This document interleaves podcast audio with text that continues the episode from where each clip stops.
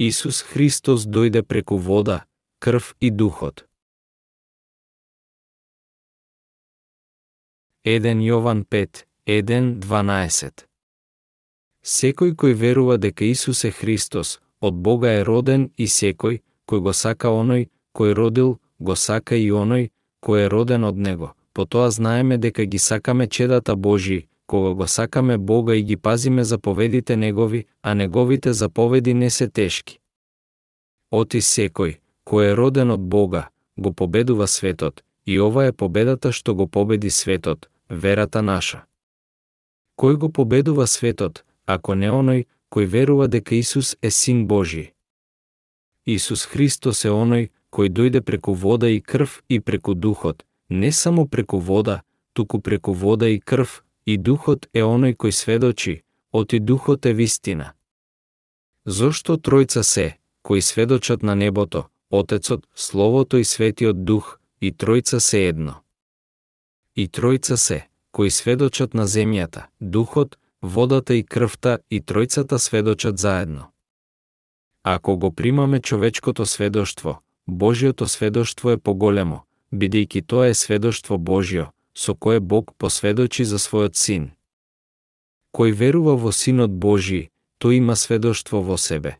Кој не му верува на Бога, го прави лажец, оти не поверувал во сведоштвото негово, со кое посведочил Бог за својот син, а сведоштвото е тоа дека Бог ни дарувал вечен живот, и тој живот е во неговиот син, кој го има синот Божи, тој го има и тој живот, кој го нема синот Божи, го нема тој живот.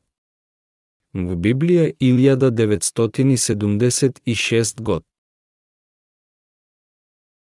Преку што дојде Исус. Вода, крв и преку духот. Дали Исус дојде преку вода? Да, тој дојде преку вода. Тој дојде преку неговото крштевање. Водата го символизира крштевањето на Исус од Јован Крстител во реката Јордан. Тоа беше крштевање на откуп, искупение, со кое што тој ги однесе сите гревови на светот. Дали Исус дојде преку крв? Да, тој дојде преку крв. Тој дојде во телото на човек и беше крстен за да ги одземе сите гревови на светот, тогаш ја исплати казната за гревот со крвопролевање на крстот. Исус дојде преку крв. Дали Исус дојде преку духот? Да, тој дојде. Исус беше Бог, но тој дојде како духот во телото за да биде спасител на грешници. Многу луѓе не веруваат дека Исус дојде преку вода, крв и духот, само малку веруваат дека Исус е навистина цар над царевите и Бог над боговите. Поголемиот дел од луѓето се уште се чудат вака, дали Исус е навистина синот Божи или син на човек. И многу теолози и служители веруваат во Исус како да е човек, отколку како Бог, Спасителот, апсолутното суштество. Но Бог рече дека секој еден кој верува дека Исус Христос е цар над царевите, вистински Бог и вистински Спасител ќе биде роден од Него. Оние кои го сакаат Бога исто така го сакаат Исус и оние кои на вистина веруваат во Бога, веруваат на истиот начин во Исус. Луѓето не можат да го победат светот освен ако се поново родени. Така, апостолот Јован рече дека само вистинските христијани можат да го победат светот. Причината зошто верните можат да го победат светот е затоа што тие имаа вера во водата, крвта и духот. Силата за победа на светот не извира од човечката волја или дело или страст. Ако ги зборувам човечките и ангелските јазици, а љубов немам, тогаш сум бронза што звони или кимвал што звечи. И ако имам дар за пророкување и да ги знам сите тајни и сите знаења, и ако ја имам сета вера, така што да преместува и планини, а љубов немам, ништо не сум. И ако го раздадам целиот свој имот, за да ги нахранам бедните, и ако го предадам своето тело, да биде изгорено, а љубов немам, ништо не ми ползува. 1 Коринтијаните 13, 1, 3, Библија 1999 год. Љубов, овде спомната означува дека Исус дојде преку вода, крв и духот. Во Библијата зборот љубов секогаш се однесува на љубовта од вистината 2 Солуњаните 2, 10. Всушност, Божјата љубов беше манифестирана преку неговиот единороден син, 1 Јован 4, 9. Само оној кој верува во водата, крвта и духот може да го победи светот. Кој може да го победи светот? Само оние кои веруваат во искупението на Исусовото крштевање, неговата крв и духот. Во 1 Јован 5, 5, 6 стои, кој го победува светот, ако не оној кој верува дека Исус е Син Божи. Исус Христос е оној кој дојде преку вода и крв и преку духот. Во Библија 1976 год. Драги христијани, оној кој го победи сатаната и светот беше Исус Христос. Оние кои што веруваат во словото на водата, крвта и духот од Исус можат исто да го победат светот. Како Исус го победи светот? Преку искупението на водата, крвта и духот, во Библијата зборот вода се однесува на крштевањето на Исус 1 Петар 3, 21. Исус дојде на овој свет во тело. Тој дојде за да ги спаси грешниците од светот. Тој беше крстен и умре на крстот за да умилостиви за тие гревови. Крвта на крстот се однесува на фактот дека тој дојде на овој свет во телото на човек. Тој дојде во обличие слично на гревовното тело за да ги спаси грешниците и беше крстен со вода. Заради тоа, Исус дојде кај нас преку двете, вода и крв, Со други зборови, тој ги однесе сите гревови на светот со двете, неговото крштевање и со крвта на неговата смрт. Како ѓаволот владее над светот? Сатаната предизвикува да човекот се двоумее за Словото Божјо и го насади семето на непослушност во нивните срца. Сатаната се обидува да ги направи луѓето негови слуги преку непослушноста на Словото Божјо, меѓутоа, Исус дојде на овој свет и ги премавна сите нивни гревови со водата на неговото крштевање и неговата крв на крстот. Тој го победи сатаната и ги премавна сите гревови на светот. Ова се случи затоа што Исус Христос беше спасителот на грешници. Тој постана наш спасител затоа што тој дојде преку вода и крв. Исус ги однесе сите гревови на светот со неговото крштевање на искупението, откупот. Кое е значењето на Исусовото надминување на светот? Тоа значи дека тој ги однесе сите гревови на светот. Откако Исус беше крстен за да ги одземе сите гревови на светот и умре за да ги премавне нив, тој беше способен да не избави нас од сите гревови затоа што Исус беше крстен во реката Јордан од Јован Крстител, представникот на целото човештво. Сите гревови на светот беа положени на врз него, Исус го даде неговиот живот на крстот за платата на гревот. Тој ја надмина силата на сатаната со неговата смрт и воскресение. Исус ја исплати платата за сите наши гревови со неговата смрт. Исус дојде кај грешниците преку водата на неговото крштевање и крвта на крстот. Како тој ја надмина силата на сатаната. Преку неговото крштевање и крвта и духот. Апостолот Јован рече дека откупот не е само со вода, туку со двете, вода и крв. Заради тоа, како што Исус ги однесе сите гревови и ги отстрани нашите гревови за секогаш, сите грешници на светот можат да бидат спасени од грев преку вера во Него и да бидат верни на Неговото Слово, кога Исус дојде на светов, тој не само што ги однесе нашите гревови, туку тој исто така и исплати за нив со крвопролевањето и смртта на крстот, тој ги одзеде сите наши гревови со неговото крштевање во реката Јордан и ја исплати платата на тие гревови на крстот. Тој исплати за нашите гревови со неговата смрт. Праведниот закон Божи, кој што вели дека смртта е плата за грев, Римјаните 6, 23, Библија 1999 год е беше исполнат. што му значеше на Исус со надминување на светот. Верата која го надминува светот е верата во Евангелието на откупот, искупението, кое што Исус го излеа врз нас со водата и крвта. Тој дојде во обличие на човек и сведочеше за спасение со неговото крштевање со вода и неговата смрт на крстот. Исус го надмина светот, односно сатаната. Учениците на раната црква стојат цврсто дури и во лицето на мачеништво без да и се подчинат на Римската империја или на какво и да било искушување од овој свет.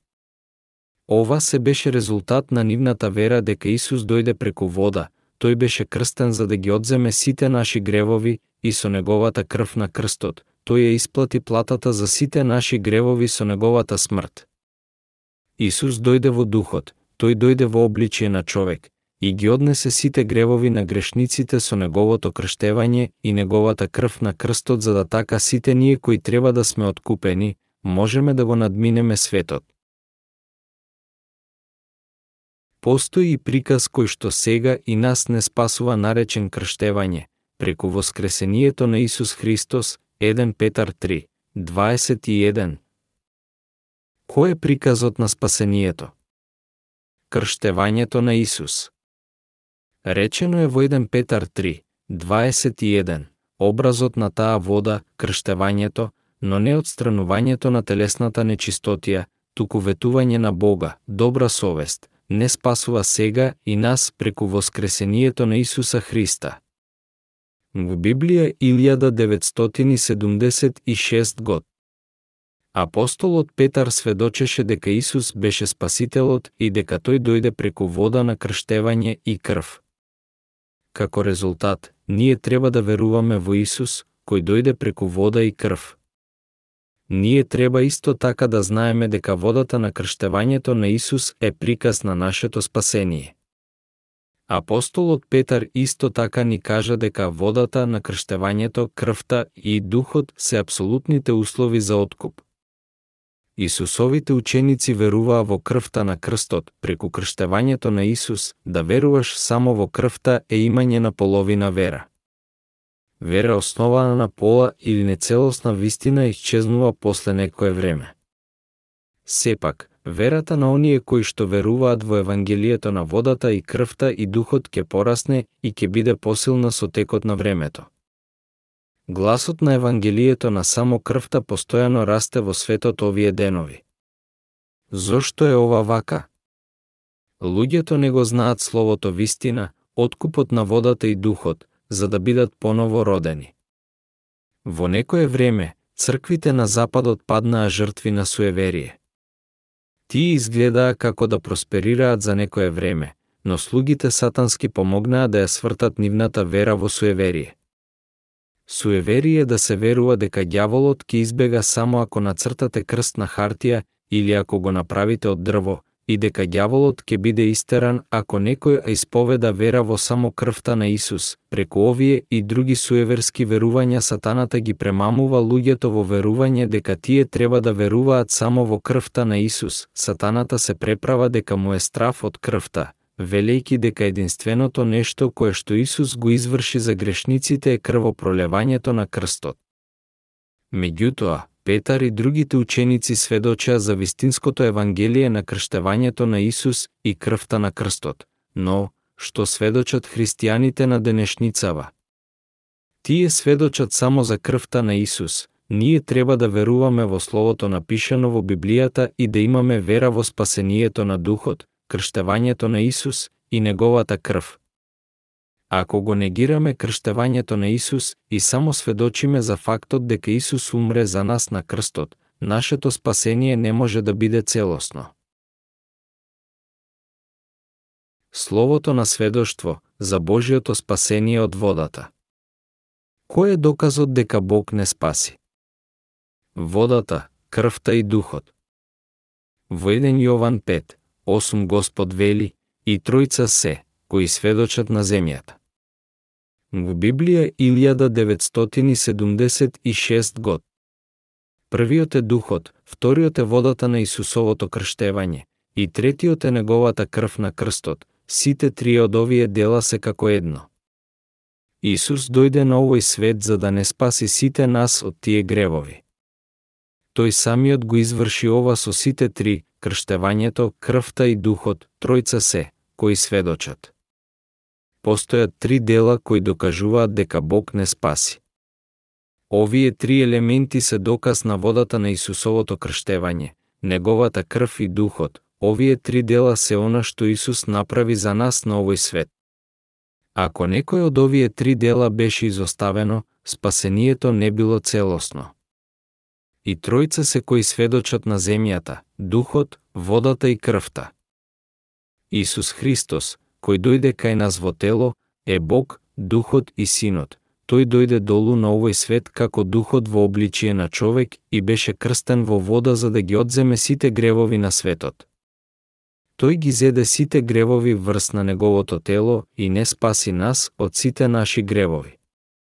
Тоа е Евангелието на целосниот откуп преку вода, крв и дух, дури и ако само едно од овие дела беше изоставено, тоа е исто како да сме го одбиле Божиото спасение, кое што не спаси нас од сите гревови. Ако се согласиме со мнозинството на верниците од денешниот ден, ние би требало да речеме дека има двајца кои сведочат на земјата – крвта и духот. Но апостолот Јован рече дека има три дела кои сведочат – водата на Исусовото крштевање, крвта на крстот и духот. Апостолот Јован беше многу јасен, прецизен, во неговото сведоштво. Верата која искупува грешник е верата во духот, водата и крвта. Каква вера го овозможува човека да го надмине светот? И каде можеме да најдеме ваква вера? Таа е овде во Библијава. Таа е да се верува во Исус, кој дојде преку вода, крв и духот. Имајте вера во нив за да примите спасение и вечен живот. Дали е спасението Божие совршено без крштевањето на Исус? Не е. Многу одамна, пред јас да бидам поново роден, и јас исто така бев христијан кој што веруваше само во крвта на крстот и духот. Јас верував дека тој дојде долу како духот и умре за мене на крстот за да ме спаси од сите гревови. Јас само верував во овие две дела и бев дури и доволно арогантен да и нив им ги проповедав на луѓето. Јас имав планирано да студирам теологија за да постанам мисионер со цел да работам и умрам за сите загубени души, исто како што и Исус направи. Јас имав големи нешта испланирано. Но, откако јас верував само во две дела секогаш имаше грев во моето срце. Како резултат на тоа, јас не можев да го надминам светот. Јас не можев да бидам слободен од гревот. Кога верував само во крвта и духот, јас се уште имав грев во моето срце. Причината зошто имав грев во моето срце, и покрај тоа што верував во Исус, беше затоа што јас не знаев за водата, крштевањето на Исус, моето избавените не беше целосно се додека јас бев искупен преку целосната вера во водата на крштевањето, крвта и духот. Јас не бев способен да ги надминам гревовите на телото затоа што јас не знаев за значењето на Исусовото крштевање. Дури и сега, многу луѓе веруваат во Исус, но сепак извршуваат гревови на телото. Тие се уште имаат грев во нивните срца и залудно се обидуваат да ја обноват првата љубов која ја имаа за Исус, тие не можат да ја обноват страста на нивната прва воздушеност затоа што никогаш не биле очистени целосно од нивните гревови со вода. Тие не сваќаат дека сите нивни гревови беа положени на врз Исус кога тој беше крстен и откако тие ќе паднат не можат повторно да ја закрепнат нивната вера. Јас би сакал да ви биде ова јасно на сите вас. Ние можеме да живее во вера и да го надминеме светот кога ние веруваме во Исус, колку и нецелосни да сме, без разлика колку пати извршуваме грев, се додека веруваме во Исус како наш Спасител, кој не направи целосно слободни од гревот со неговото крштевање и крвопролевање, ние можеме да стоиме победнички. Сепак, Ако веруваме во Исус без водата на Неговото крштевање, ние не можеме да целосно бидеме избавени. Апостолот Јован ни кажа дека верата која го победува светот е верата во Исус Христос, кој дојде преку вода на крштевањето, крвта и духот, Бог го испрати својот единороден син за да ги избави оние кои веруваат во крштевањето и неговата крв. Исус ги однесе сите наши гревови со неговото крштевање. Исус, единородениот син Божи, дојде кај нас во духот, во обличие на човек. Тогаш, Исус ја пролеа крвта на крстот за да ја исплати платата на гревот. Така Исус ги избави човечките суштества од гревот. Верата која не води да го победиме светот доаѓа од верувањето во вистината дека Исус дојде преку вода, крв и духот, кое што целосно не ослободи од сите гревови. Ако не беше крштевањето и крвта на крстот немаше да има вистинско спасение. Без едно од трите дела, ние не можеме да имаме вистинско спасение. Вистинско спасение не може да биде постигнато без водата, крвта и духот. Заради тоа, ние треба да веруваме во водата, крвта и духот. Знајте го ова и ќе имате вистинска вера. Ви кажувам не е вистинско спасение без сведоштвото за водата, крвта и духот. Кои се трите основни елементи кои сведочат за спасение? Водата, крвта и духот. Некој може и на ваков начин да размислува за погорново прашање. Исус е мој спасител. Јас верувам во крвта на крстот и јас би сакал да умрам како маченик. Јас верувам во Исус и покрај тоа што имам грев во моето срце. Јас верно се покајувам и работев напорно да извршувам секој ден добри, праведни и добротворни дела. Јас го подарив својот живот и сите мои светски имоти за тебе. Јас дури и решив да не се женам мажам. Како може Бог да не ме познава?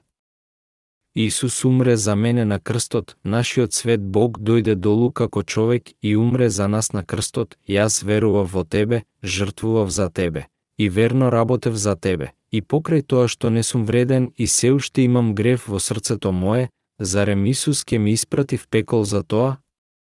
Не, нема да ми испрати таму. Има многу луѓе кои размислуваат на ваков начин. Тие не веруваат дека Исус беше крстен за да ги однесе сите гревови на светот. Кога овие номинални христијани, кои веруваат во Исус, но се уште имаат грев, умрат, каде одат тие? Тие одат во пеколот. Тие се само грешници. Оние кои што мислат како што самите сакаат и предпоставуваат дека Бог на истиот начин мисли, ќе завршат во пеколот. Повеќе за тоа, некои дури и велат дека затоа што Исус ги однесе сите гревови кога тој умре на крстот, затоа нема повеќе грев во светот. Меѓутоа, ова е само зборување за крвта и за духот, ова не е верата која ги води луѓето до целосно спасение ние треба да веруваме дека Исус ги однесе сите гревови со неговото крштевање, беше осуден и умре на крстот за нас и дека тој воскресна на третиот ден после неговата смрт. Без ваква вера, целосно спасение не е можно. Исус Христос беше крстен, умре на крстот и беше воскреснат.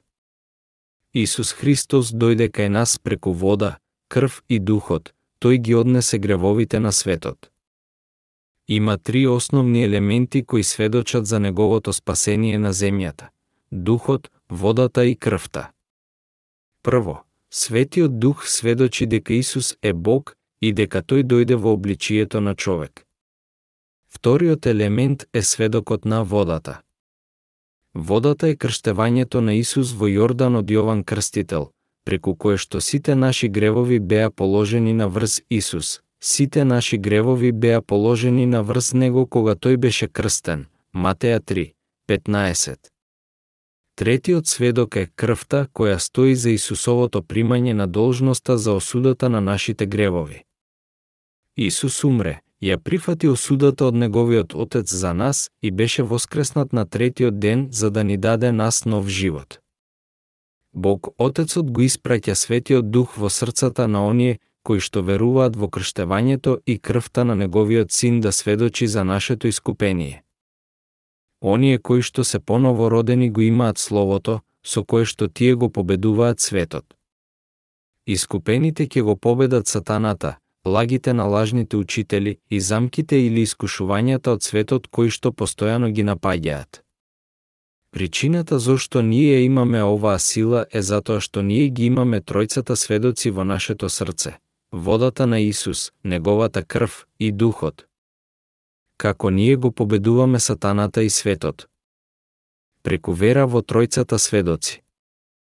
Ние можеме да го победиме сатаната и светот затоа што веруваме во духот, водата и крвта. Оние кои што веруваат во крштевањето и крвта на Исус способни се да ги победат сите мамки од лажните учители. Нашата вера, со оваа сила да се надмине, лежи во водата, крвта и духот, дали верувате во ова? Вие нити можете да бидете поново родени, нити да го победите светот ако немате вера во искупението преку крштевањето на Исус, неговата крв, и вера дека Исус е Син Божи и наш Спасител. Дали имате ваква вера во вашето срце? Вие ќе го победите светот ако имате вера во водата и крвта на Исус во вашето срце. Ако вие верувате дека Исус умре на крстот и ја одзеде осудата за вас, вие ќе победите. Апостолот Јован го победи светот затоа што тој ги имаше сите овие три основни елементи во неговото срце тој исто така зборуваше за искупение на сите негови браќа во вера, кои што претрпеа пречки и заканувања во нивната служба. Тој сведочеше, ова е како вие можете да го победите светот. Исус дојде преку духот, водата и крвта. Како тој што го победи светот, исто така верните се способни да го победат светот. Ова е единствениот начин за верните да го победат светот. Во 1 Јован 5, 8 речено е и тројца се, кои сведочат на земјата, духот, водата и крвта и тројцата сведочат заедно. Во Библија 1976 год. Многумина се уште само зборуваат за крвта и духот, додека ја изоставаат водата на Исусовото крштевање. Ако тие ја извадат водата, тие се измамени од сатаната тие би требало да излезат од својата измама и да се покаат, тие треба да веруваат во водата на Исусовото крштевање, на повторно раѓање. Никој не може да го победи светот без верувањето во водата и крвта на Исус. Јас повторно ви велам, никој.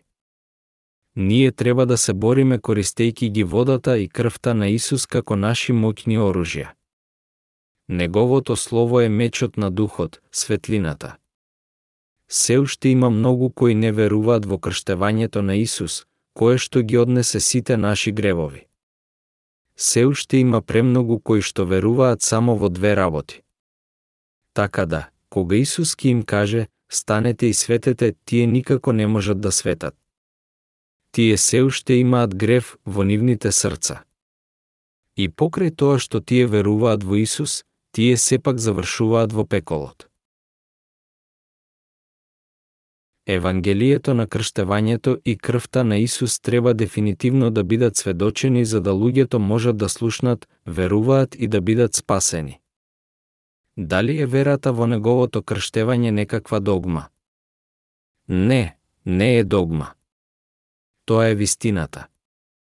Кога ние сведочиме за Евангелието, тоа треба да биде дефинитивно. Исус дојде преку духот, крштевањето, со кое што ги однесе сите наши гревови и преку крвта со која што исплати за сите наши гревови. Ние мораме да веруваме во сите овие три. Ако не веруваме, ние не го проповедаме Евангелието, туку спротивно на тоа само некаква религија. Повеќето христијани на денешницава го сметаат христијанството за некаква религија, но христијанството не може да биде квалификувано за религија. Тоа е вера на искупение изградена на вистината, верата на угледување кон Бога. Не може да биде религија. Религијата е човечка измислица додека верата е угледување кон спасението со кое Бог не овозможи. Ова е разликата. Ако ја отфрлите оваа вистина, вие го сметате христијанството за некаква религија и проповедате во смисла на моралот и етиката. Исус Христос не дојде да основа религија на овој свет. тој никогаш не основа религија наречена христијанство. Зошто верувате дека е религија? Ако се е исто, зошто тогаш на местото од ова не верувате во будизмот? Мислите дека сум во грешка зашто го велам ова? Некои луѓе веруваат во Исус на религиозен начин на живот и завршуваат велејки. Која е разликата? Рај, нирвана, небеса, тие сите се едно исто, тие само имаат друго име. Ние сите ќе завршиме на крај на истото место. Драги христијани, ние треба цврсто да стоиме на вистината. Ние треба да станеме и да светиме. Ние треба да бидеме способни да ја кажеме вистината без да се двоумиме. Кога некој вели, тоа не може да биде единствениот пат кон небесата, вие треба да им одговорите со дефинитивен тон на говорот. Да, тоа е единствениот пат. Вие можете да одите во небесата само ако верувате во Исус Христос, кој дојде преку вода, крв и духот. Вие треба да светите толку блескаво да другите души сакаат да го слушнат словото на искупението, повторно раѓење и да одат во небесата. Имајте правилна вера, невозвратни љубители на Исуса кои не го знаат откупот на Исусовото крштевање и неговата крв ке загинат. Кој ке загине и покрај тоа што тој таа верува во Исус? Оние кои не веруваат во крштевањето на Исус. Само тврдењето на произволната вера во Исус е имање на невозвратна љубов за Исус и тоа е краток пат да се биде христијански религионист еден брод пребродувајки го Пацификот се потопи. Само неколку се спасија и пловеа на гумен сплав. Тие испратија зод сигнал, но бурното море ги запре другите бродови да им помогнат. Тогаш дојде хеликоптер и им фрли јаже. Ако некој само се држеше за јажето наместо да го врзе него за неговата половина, тоа е исто како паѓањето во невозвратна љубов кон Исус, оваа особа верува во Бога како него му е пријатно. Особата се уште не е спасена, но вели, јас верувам. Спаси ме. Јас толку верувам, јас предпоставувам дека ќе бидам спасен. Оној кој не ја разбира вистината за крштевањето на Исус и неговата крв верува дека тој таа ќе биде спасен, а само ако се држи за јажето но како што е одвлекуван нагоре неговите раце ќе ја изгубат силата за држење. Особата се држи за јажето со двете раце со целата своја сила. Предалеку е за него неа до брегот да се додржи за јажето. Кога неговата сила ќе ја снема, тој ќе го отпушти јажето и пак ќе падне во морето. Исто така и кога се има невозвратна љубов со Исус, многу можат да речат дека тие веруваат во Бога и во Исус, да тие веруваат во Исус, кој дојде преку Духот, но тоа е само дел од целата равенка. Тие ниту можат вистински да веруваат, нити пак да живеат во совршеното Евангелие, така да тие се присилуваат себе си да велат поново и поново дека тие веруваат во Него, да веруваш и да се обидеш да веруваш не е едно исто. Тие велат дека ќе го следат Исус до крајот, но тие ќе бидат протерани во последниот ден заради гревовите кои се останати во нивните срца. Тие го љубат Исус без да знаат дека тој дојде преку неговото крштевање, крвта и духот. Ако тие го сакаат Исус само заради неговата крв, тие ќе завршат во пеколот. Врзете ги вашите души со јажето на вистинското Евангелие, Евангелието на водата и крвта. Кога Исус ќе го фрли долу јажето на спасението, оние кои се врзани со водата, крвта и духот ќе бидат спасени. Спасителот од хеликоптерот им викаше преку мегафон вака. Ве молам слушајте ме внимателно. Кога ќе ви го фрлам јажето, врзете го околу вашите гради, под вашите раце. Тогаш стојте како што сте врзани. Не држете се за јажето со вашите раце. Само врзете го околу вашите гради и одморете. Тогаш вие ќе бидете спасени. Првата особа ги следеше инструкциите и се врза себе си со јажето и беше спасен, а, но другата особа си рече, не грижи се за мене, јас сум многу силен. Јас тренирам секогаш во спортската школа. погледни. Види ги мускуливе. Јас можам да се држам за јажето со километри. Тој тогаш се држеше за јажето со неговите раце, а јажето го влечеше нагоре. Двете особи беа во почетокот извлечени нагоре. Но разликата беше што едната особа која ги послуша инструкциите и го врза јажето околу градите, беше нагоре извлечена без проблем. Оваа особа дури и падна во несвест кога го извлекоа нагоре, но како и да е тој таа беше извлечен, а другата особа која што беше горда со својата сила на крај го изгуби зафатот затоа што неговата сила исчезна. Тој умре затоа што тој отфрли да послуша и ги игнорираше инструкциите. За да некој добие целосно искупение, тој таа треба да верува во откупот на водата од неговото крштевање и крвта кој што ги спаси сите души од гревот.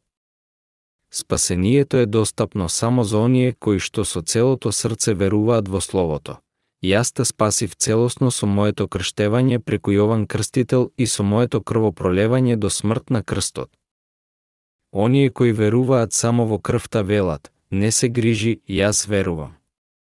Јас сум благодарен до крајот на мојот живот за крвта на Исус. Јас ке го следам Исус до крајот и мојата вера само во крвта е повеќе од доволно за да го победам светот и сите мои гревови на целиот мој живот. Меѓутоа, ова не е доволно. Оние кои што Бог ги признава да се негови луѓе, тоа се оние кои што веруваат во сите три сведоци дека Исус дојде преку Духот, дека тој беше крстен, Исус ги одзеде сите гревови со неговото крштевање во Јордан, дека тој умре на крстот за да исплати платата за сите гревови и дека тој воскресна на третиот ден од смртта. Духот доаѓа само кај оние кои што веруваат во сите три и сведочат за нив. Да, јас сум твој спасител.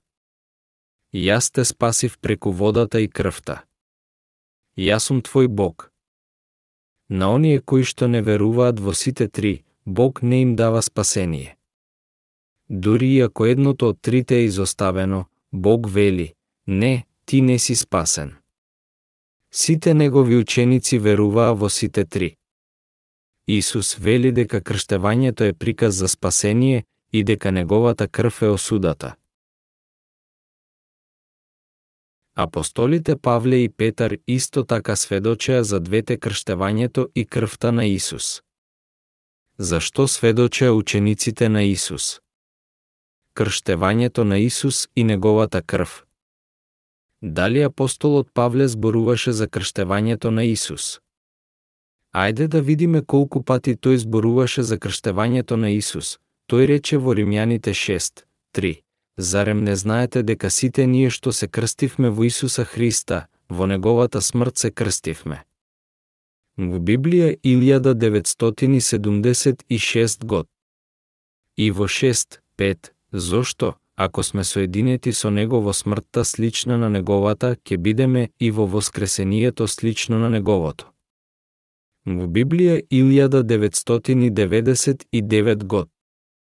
Тој исто така рече во Галатјаните 3, 27, зашто сите, кои се крстивте во Христа, се облековте со Христа. Во Библија 1999 год. Сите Исусови апостоли сведочеа за водата, крштевањето на Исус, образот на таа вода, крштевањето, не спасува сега и нас. 1 Петар 3, 21 Библија 1976 год. Спасението на искупението Господово дојде преку водата и крвта на Исус. Кој особи ги нарекува Бог праведни? Оние кои немаат грев во срцата нивни. Искупението кое што Исус го излеа врз луѓето е од водата на Исусовото крштевање и неговата крв на крстот, преку тоа искупение ние можеме да станеме и да светиме. Како? Преку сведоштвото за овие три работи. Стани, засвети, зошто твојата светлина доаѓа, над тебе блеска Господовата слава, Исаја 60, 1, Библија 1999 год. Бог засвети со светлина на нас и ни кажува да и ние светиме. ние треба да сме покорни на оваа заповед. Ние го проповедавме Евангелието со целата наша сила. Меѓутоа, се уште многу луѓе не слушаат. Верувајте во Исус и вие ќе бидете избавени. Вие ќе бидете праведни. Ако останал грев во вашето срце, вие не сте праведни. Вие се уште не сте ги победиле гревовите на светот. Вие никогаш не можете да ги победите гревовите во вашето срце, ако не верувате во водата на Исус, крштевањето на Исус.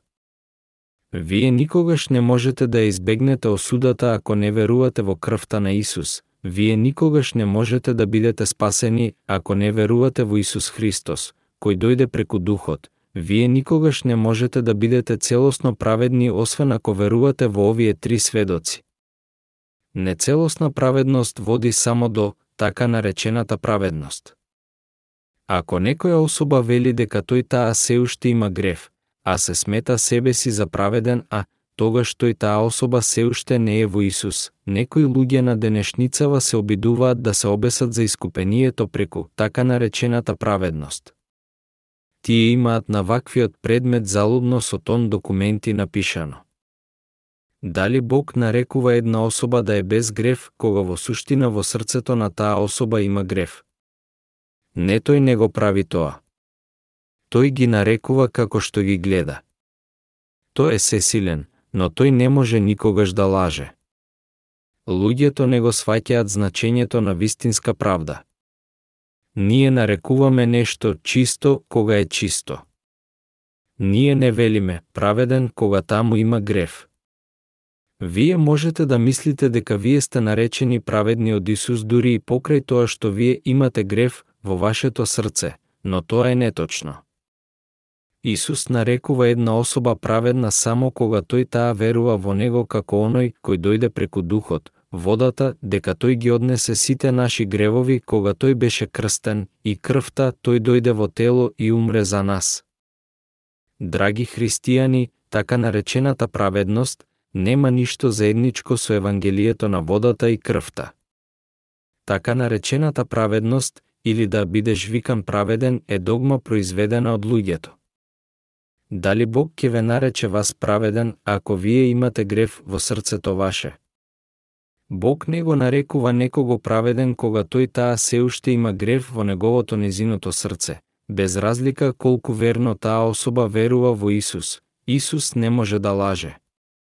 Сепак, дали вие се уште мислите дека тој нарекува некого праведен кога тој таа се уште има грев во нивното срце? Тоа е што луѓето мислат, а не Бог, Бог ги мрази лагите. Дали тој ќе нарече некого праведен која верува само во духот и во крвта? Никогаш. Има само еден вид на особи кои што Бог ги нарекува праведни тоа се оние кои немаат никаков грев во нивното срце. Тој ги познава само оние кои веруваат во сите три работи, дека Исус, кој е Бог, дојде долу на свето во тело, беше крстен во реката Јордан и искрвари на крстот за да ги премавне сите наши гревови. Само оние кои веруваат во радосната вест на искупението се познати да бидат праведни од Бога. Тоа се оние кои имаат точна правилна вера. Тие целосно веруваат во сите дела кои што Исус ги изврши за нас. Тие веруваат дека Исус дојде, беше крстен за да ги однесе сите наши гревови, прими осудение за нас со умирањето на крстот и беше воскреснат од смртта. Сите овие работи беа извршени од Божјата љубов. Исус дојде долу од небесата и рече: дојдете при мене сите изморени и обременети и јас ќе ви успокојам, Матеја 11, 28, Библија 1990 год. Тој го изврши ова со однесувањето на нашите гревови. Бог не ги познава оние кои што само веруваат во крвта на Исус, оние кои што само веруваат во крвта на Исус се уште имаат грев во нивните срца кои Исус ги познава да бидат искупени. Верата во крштевањето на Исус, неговата крв и во фактот дека тој е Бог се сите необходни за нашето спасение. Јас ги однесов сите твои гревови кога дојдов долу на овој свет и бев крстен од Јован Крстител, јас сведочев дека сите гревови на светот беа положени на врз мене. Јас исплатив за сите ваши гревови на крстот, јас ве спасив на ваков начин. На оние кои што веруваат во сите овие три, Исус им вели, да ти си спасен. Вие сте праведни и чеда Божи. Вие исто така можете да бидете спасени, ако вие верувате во крштевањето на Исус, неговата крв и духот сите заедно. Оние кои што веруваат само во духот и во крвта се уште имаат грев во нивните срца. Во Царството Божио таму постои само една вистина. Таму има правда, искреност, љубов и добрина. Таму нема ниту дамка на лага. Лаги и волји не постојат во небесата. Кои се оние кои извршуваат незаконски дела? Оние кои што не веруваат во крштевањето на Исус. Мнозина ќе ми речат во оној ден, Господи, Господи, не пророкувавме ли во Твое име, не изгонувавме ли бесови во Твое име, и не правевме ли многу чуда во Твое име? Матеја 7, 22, М Библија 1999 год. Бог никогаш не ги познава тие дела како квалификувани да влезат во Неговото царство. И тогаш јас ки им изјавам, никогаш јас не сум ве познавал, одете си од мене вие, кои правите беззаконие.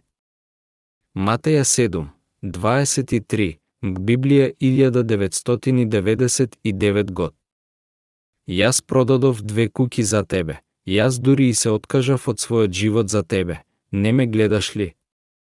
Јас никогаш не се откажав од тебе дури и до последната воздишка. Не ме гледаш ли? Дали имаш грев во твоето срце? Да, Господи имам малку. Тогаш, бегај од мене на ниеден грешник не му е дозволено да дојде овде. Но јас умрев како маченик за мојата вера во Тебе, Господи. Како велиш, умре како маченик. Ти умре поради Твојата тврдоглавост. Дали ги разбираш моето крштевање и крвта? Дали јас сведочев во Твоето срце дека Ти си мое чедо? Ти не веруваш во моето крштевање и јас никогаш не сведочев дека ти си мој чедо, сепак ти се обесе на твојата вера и умре за тоа. Кога јас сведочев за тебе. Ова си го донесе самиот на себе. Ти го сакаше и се обидуваше само за твоето собствено искупение. Сега дали разбираш? Заминувај од овде. Исус ни рече да станеме и да светиме. Искупените луѓе можат да се кријат од пред многуте номинални христијани и многуте лажни учители и да не успеат да светат блескаво. Но мала искра може да направи голем пожар. Ако еден стои смело и сведочи за вистината, целиот свет би блеснал. Во Исаја 60, 1-2 вели, стани засвети, зошто твојата светлина доаѓа, над тебе блеска Господовата слава, а еве темнината ја покрива земјата и мракот народите. А тебе те осветлува Господ и неговата слава се јавува над тебе. Во Библија 1999 год. Бог ни заповедува да станеме и да светиме затоа што темнината на невистината, тоа е лажното евангелие, го покри целиот свет. Само оние кои што веруваат во Исус можат да го љубат Него, оние кои што не се искупени не можат никогаш да го љубат Исуса. Како би можеле? Тие само зборуваат за љубов, но не можат вистински него да го љубат освен ако веруваат во целата вистина. Има три дела кои сведочат за спасението на грешници. Кое е сведоштвото на спасението во нашите срца? Крштевањето на Исус. И тројца се, кои сведочат на земјата, духот, водата и крвта и тројцата сведочат заедно. Во Библија 1976 год. Исус дојде на земјава и тој ја изврши неговата служба со крштевањето и крвта. Тој го изврши ова и не спаси нас. Ако го примаме човечкото сведоштво, Божјото сведоштво е поголемо, бидејќи тоа е сведоштво Божјо, со кое Бог посведочи за својот син, кој верува во синот Божи, тој има сведоштво во себе. Кој не му верува на Бога, го прави лажец, оти не поверувал во сведоштвото негово, со кое посведочил Бог за својот син, а сведоштвото е тоа дека Бог ни дарувал живот вечен, и тој живот е во неговиот син, кој го има синот Божи, тој го има и тој живот, кој го нема синот Божи, го нема тој живот. 1 Јован 5, 9, 12, Библија 1976 год. Поново родените го примаат сведоштвото од луѓе. Ние сме познати како праведни. Кога поново, родените, кои што се искупени, зборуваат за вистината на откупот, луѓето не можат да спорат околу тоа. Тие го прифаќаат тоа. Тие велат дека ние веруваме правилно, дека ние сме точни во нашата вера. Ако ние им кажеме нив како ние бевме поново родени, никој не може да стои против вистинското евангелие за кое што даваме сведоштво. Тие велат дека сме во право. Ние го примаме сведоштвото од луѓе. Но погорните стихови велат, Божиото сведоштво е поголемо, бидејќи тоа е сведоштво Божио. Вели дека сведоштвото Божио е тоа дека посведочил за неговиот син точно. Кое е сведоштвото за неговиот син? Сведоштвото дека Бог не спаси нас е дека Исус дојде преку Духот, водата на искупението и крвта на крстот. Бог сведочи дека на ваков начин тој не спаси нас и дека ние сме негови луѓе е затоа што ние веруваме во тоа. Кој верува во Синот Божи, тој има сведоштво во себе. Кој не му верува на Бога, го прави лажец, оти не поверувал во сведоштвото негово, со кое посведочил Бог за својот син. Овие стихови ни кажуваат точно кои се оние искупените. Вели дека кој верува во Синот Божиј го има сведоштвото во себе. Дали вие го имате сведоштвото во вашето срце? Тоа е во вас и во мене. Исус дојде на овој свет за нас. Тој дојде во тело преку телото на Марија од Светиот Дух. Кога тој беше 30 годишен, тој беше крстен за да ги одземе сите наши гревови на врз себе. И со сите наши гревови, тој беше осуден на крстот. Тој беше воскреснат на третиот ден за да ни даде нас вечен живот. Исус вака не спаси нас. Што ќе се случеше ако тој не беше воскреснат? Како би можел тој за мене да сведочи во гробот? Тоа е зошто тој е мој спасител. Ова е што ние веруваме. Како што тој рече, тој не спаси нас со неговото крштевање и со крвта. И затоа што ние веруваме, ти и јас сме спасени. Сведоштвото е во тебе и во мене. Искупените не можат никогаш да игнорираат водата на неговото крштевање. Ние никогаш не ги изоставаме делата кои што тој ги изврши за нас. Зошто така ни прилега да исполниме сета правда Матеја 3, 15, Библија 1999 год. Ние никогаш не одрекуваме дека Исус ги однесе сите наши гревови кога Јован Крстител го крсти него, искупените не можат никогаш да се одречат од водата на крштевањето Исусово. Оние кои што веруваат, но не си искупени, го одрекуваат на крајот крштевањето на Исус. Кој го прави Бога лажго? Оној кој не верува во крштевањето на Исус. Колку прецизен беше апостолот Јован кога тој рече, кој не му верува на Бога, го прави лажец. Ако апостолот Јован живееше сега и овде што би ни кажал тој нас, денешните христијани. Тој би не прашал дали или не Исус ги однесе сите наши гревови кога тој беше крстен. Нели Јован Крстител исто сведочеше за Евангелието дека Исус не искупи со неговото крштевање? Не беа ли вашите гревови положени на главата на Исус и не ли ги сноси тој гревовите ваши врз неговиот грб кога тој беше крстен од мене? Така тој експлицитно сведочеше дека Исус беше крстен за да не спаси сите нас, Јован 1, 29 1 Јован 5, 4, 8. Оние кои што не веруваат во Бога, со други зборови, кои не веруваат во се што тој изврши за да не спаси нас, го прават него лажец. Кога ние велиме дека Исус ги однесе сите наши гревови кога тој беше крстен, тие велат, не, не дај Боже. Тој не можеше да ги однесе сите наши гревови. Тој ги однесе само оригиналните гревови така да сите наши секојдневни гревови останаа.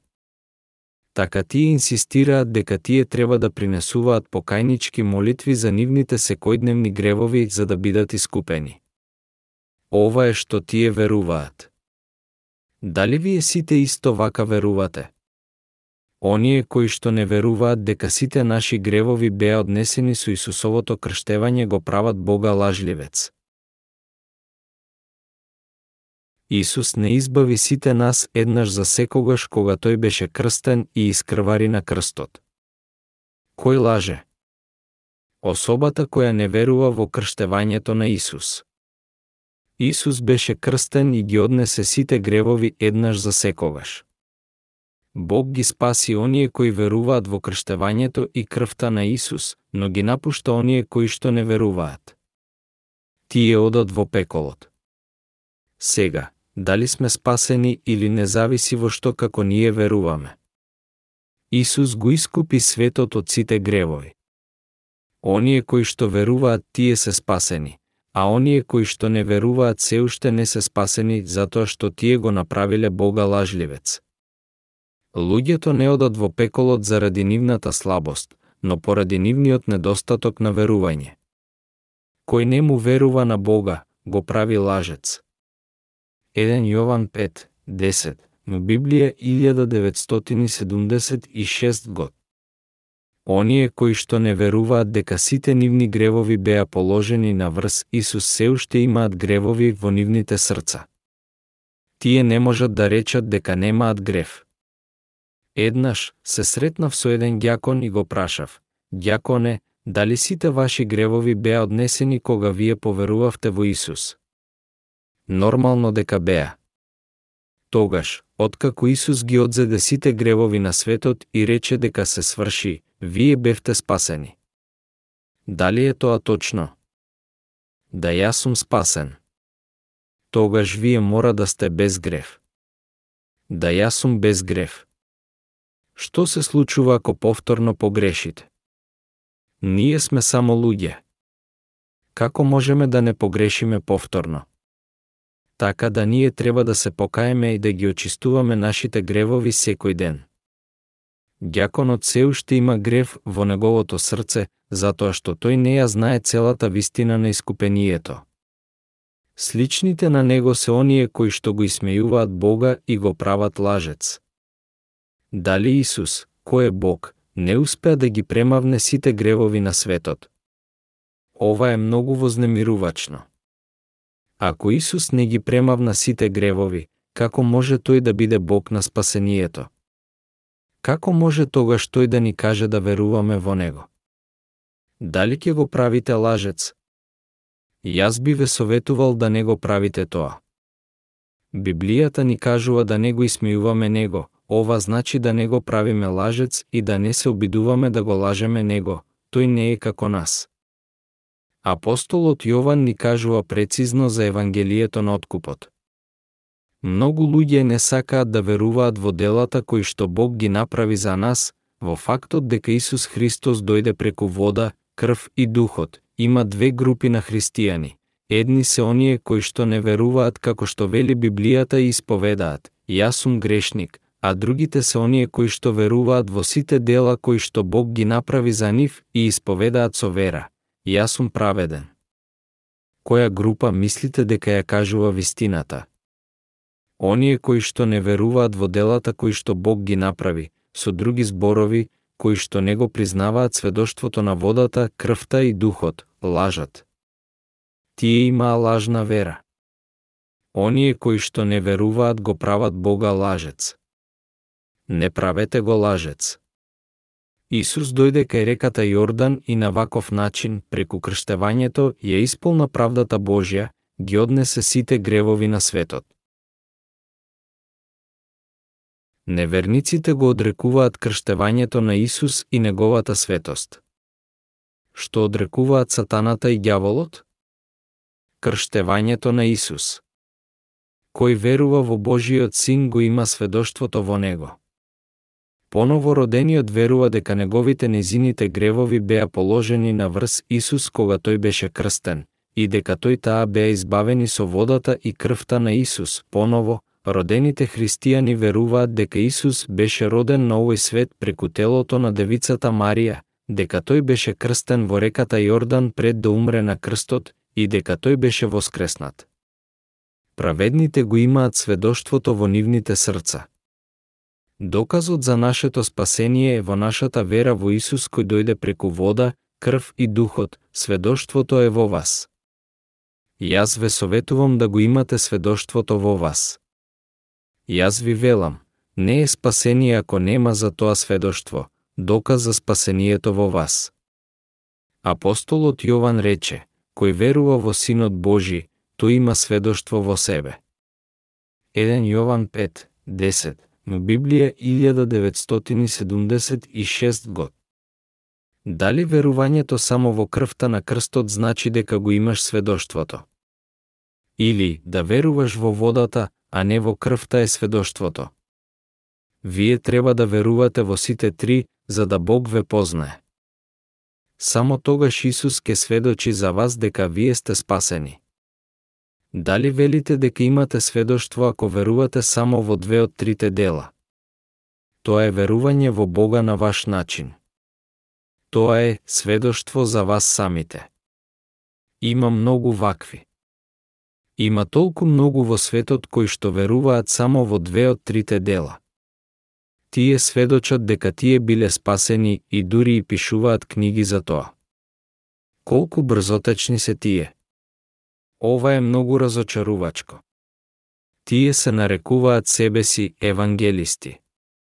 Тие се сметаат не само за евангелисти, туку и за религионисти. Тие не веруваат во водата, но сепак се фалат со нивното спасение.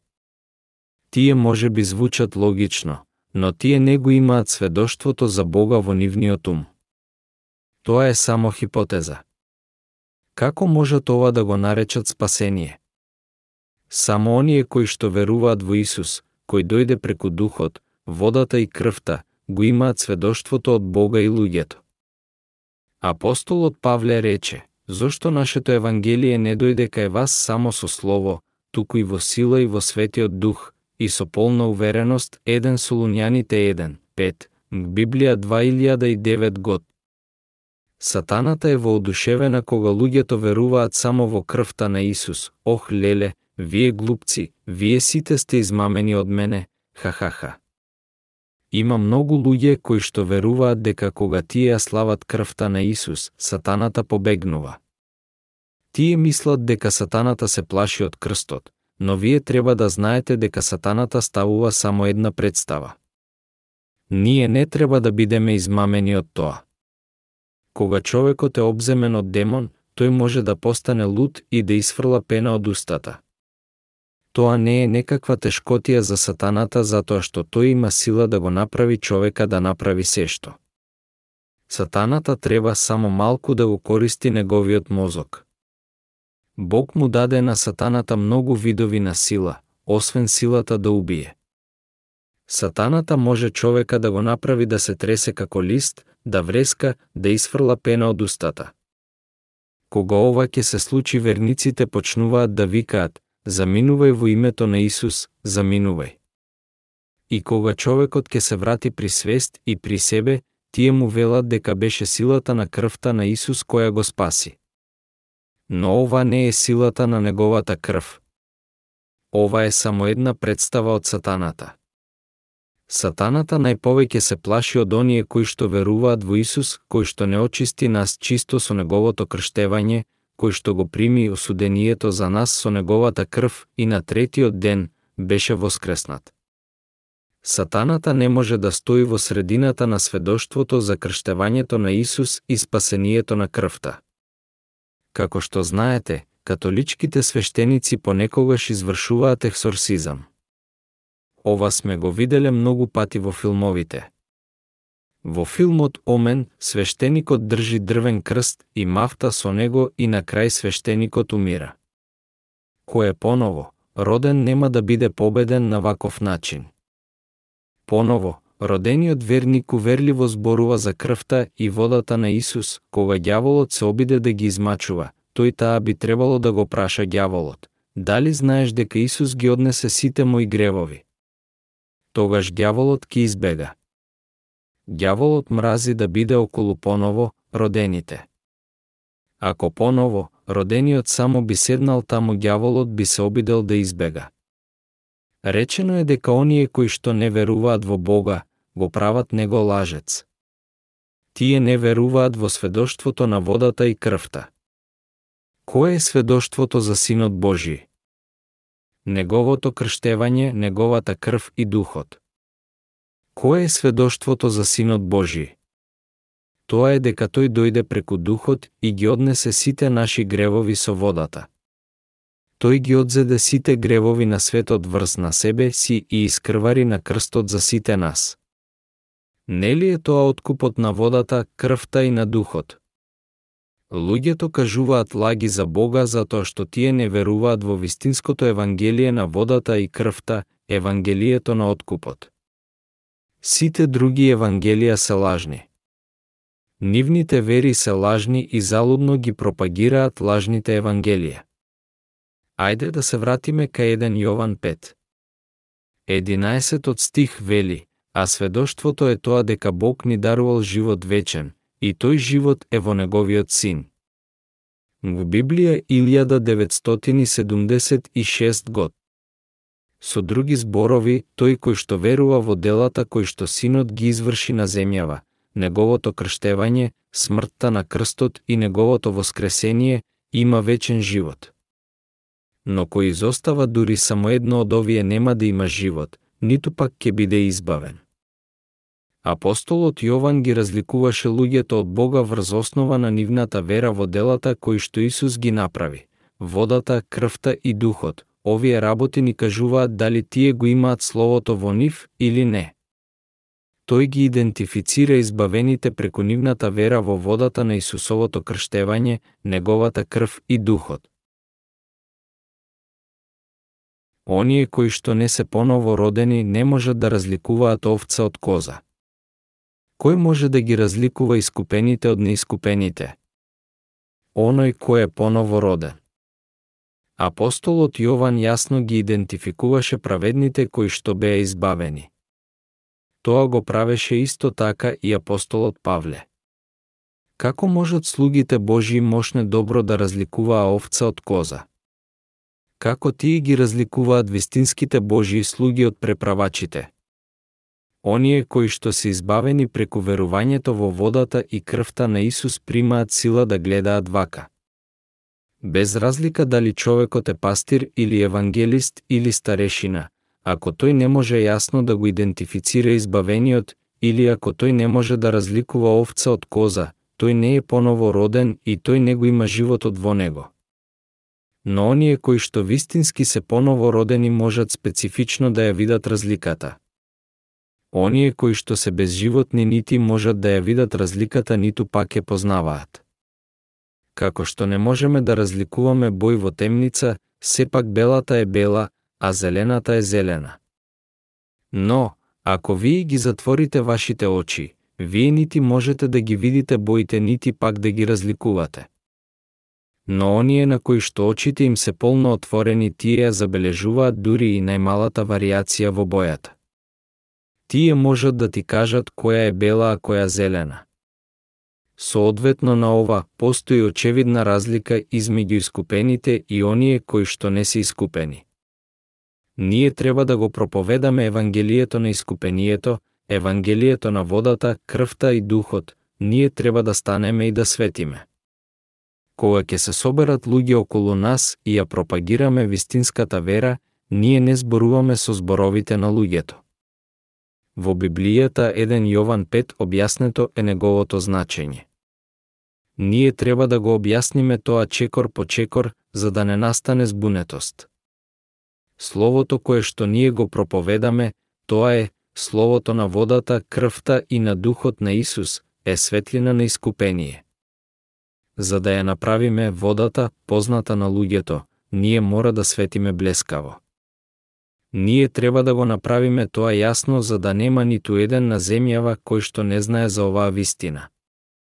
Ако поново родените не станат и не светат, многу луѓе ќе умрат без искупение и Бог нема да биде задоволен.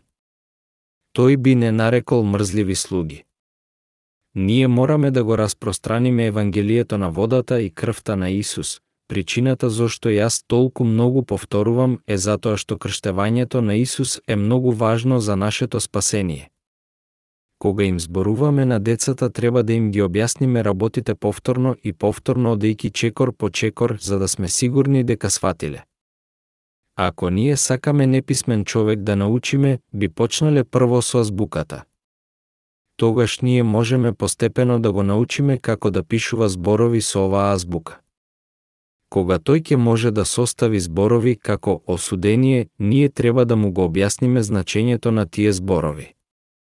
На истиот начин ние треба да им зборуваме на луѓето за Исус за да сме сигурни дека тие на вистина ќе разберат. Ние треба јасно да го објасниме крштевањето на Исус. Тој дојде на овој свет преку вода, крв и духот. Јас се молам дека вие ќе верувате во Исус како ваш спасител и дека ќе бидете искупени. Искупението на водата и духот извира од верата во крштевањето на Исус, неговата крв на крстот и од верата дека Исус е Бог, наш спасител.